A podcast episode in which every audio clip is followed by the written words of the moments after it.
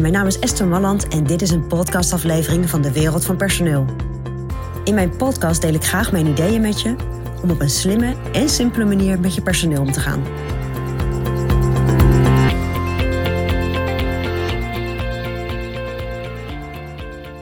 Ik ben benieuwd of jouw beloning klopt. Kijk, als het goed is, heb jij een bedrijf waarin je gestart bent met een aantal mensen. Er komen wat mensen bij, er gaan wat mensen af. Je hebt misschien diverse functies binnen je bedrijf. En zo, als je geen CAO hebt, is het natuurlijk belangrijk om te kijken hoe je mensen beloont. Maar ook als je wel een CAO moet gebruiken binnen je bedrijf. Want je maakt afspraken met mensen over, uh, over reiskosten of over auto's of over andere zaken die, uh, die meer de secundaire arbeidsvoorwaarden zijn. En wat wij merken is dat als we met klanten gaan kijken naar beloning, is dat daar heel veel diversiteit in zit. En zelfs ook binnen functies dat er heel veel diversiteit in zit. Dus de ene persoon heeft dezelfde functie als de andere persoon, maar wordt op een hele andere manier beloond. En de ene persoon is veel ouder dan de andere persoon en wordt op dezelfde manier beloond. Nou, en dat is het zijn, eigenlijk, als je kijkt naar het totale plaatje binnen een bedrijf, dan zitten er wat rare dingen vaak in de beloning. Nou, en daar wil ik je vandaag eens toe uitnodigen om in kaart te gaan brengen hoe ziet jouw beloning eruit. En dan zeg je natuurlijk, want dat hoor ik heel vaak, ja, ik heb gewoon een Excel-bestand, daar kijk ik dan even naar en dat klopt. Of joh, dat zit allemaal in mijn hoofd, ik weet echt wel hoe het zit. Maar de ervaring leert dat op het moment dat wij echt gaan kijken hoe zit de beloning in elkaar in een bedrijf, dat daar toch wel wat verrassende dingen uitkomen. En je kunt eigenlijk heel eenvoudig kun je, je beloning in kaart brengen. Het is wel eens lekker om niet achter je bureau te zitten of niet heel druk bezig te zijn, maar gewoon eens op papier te zetten. En het kan ook een whiteboard zijn. Welke functies heb jij binnen je bedrijf? Wat voor mensen zijn, uh, zitten op die functies? Wat zijn de leeftijden? Wat is het opleidingsniveau? Hoe lang werken ze al bij je? Wat voor een secundaire arbeidsvoorwaarden hebben ze al? Wat is hun salaris op dit moment? Wat was hun startsalaris? Nou, er zijn allerlei dingen om in kaart te brengen. En dan is het daarnaar te kijken. Van, goh, hoe verhoudt zich dat nou tot elkaar?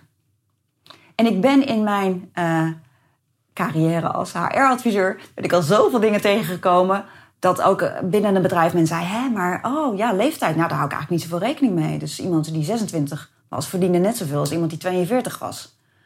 Dat hoeft niet erg te zijn, hè? Dat wil ik voorop stellen.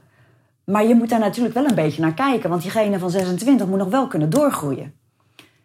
Tenzij je, tenzij je zegt, nou, die blijft twee jaar binnen mijn bedrijf, maar dat is meestal niet wat, uh, wat ik tegenkom in de bedrijven.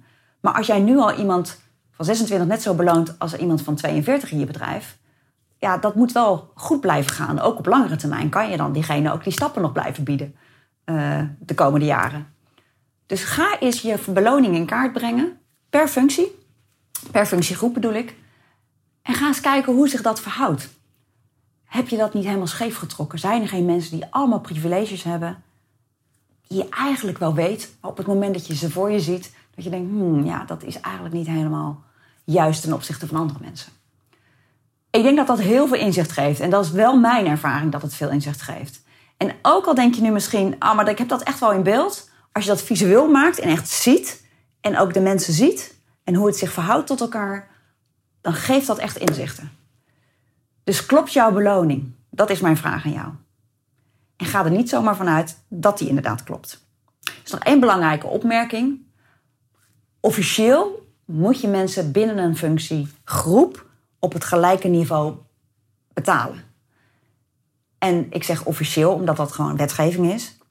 Natuurlijk is wetgeving vooral uh, belangrijk als mensen jou daarop gaan wijzen, medewerkers jou daarop gaan wijzen. Maar het is ook wel netjes om te zorgen dat mensen in eenzelfde functiegroep, dus alle accountmanagers of al je monteurs of alle, alle administratieve mensen in een bepaalde, op, een bepaalde, uh, op een bepaalde afdeling, dat die wel een beetje hetzelfde betaald krijgen en dat daar niet extreme verschillen in zitten.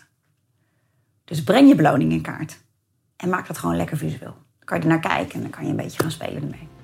Nou, dat is mijn persoonlijk advies vanuit de wereld van personeel.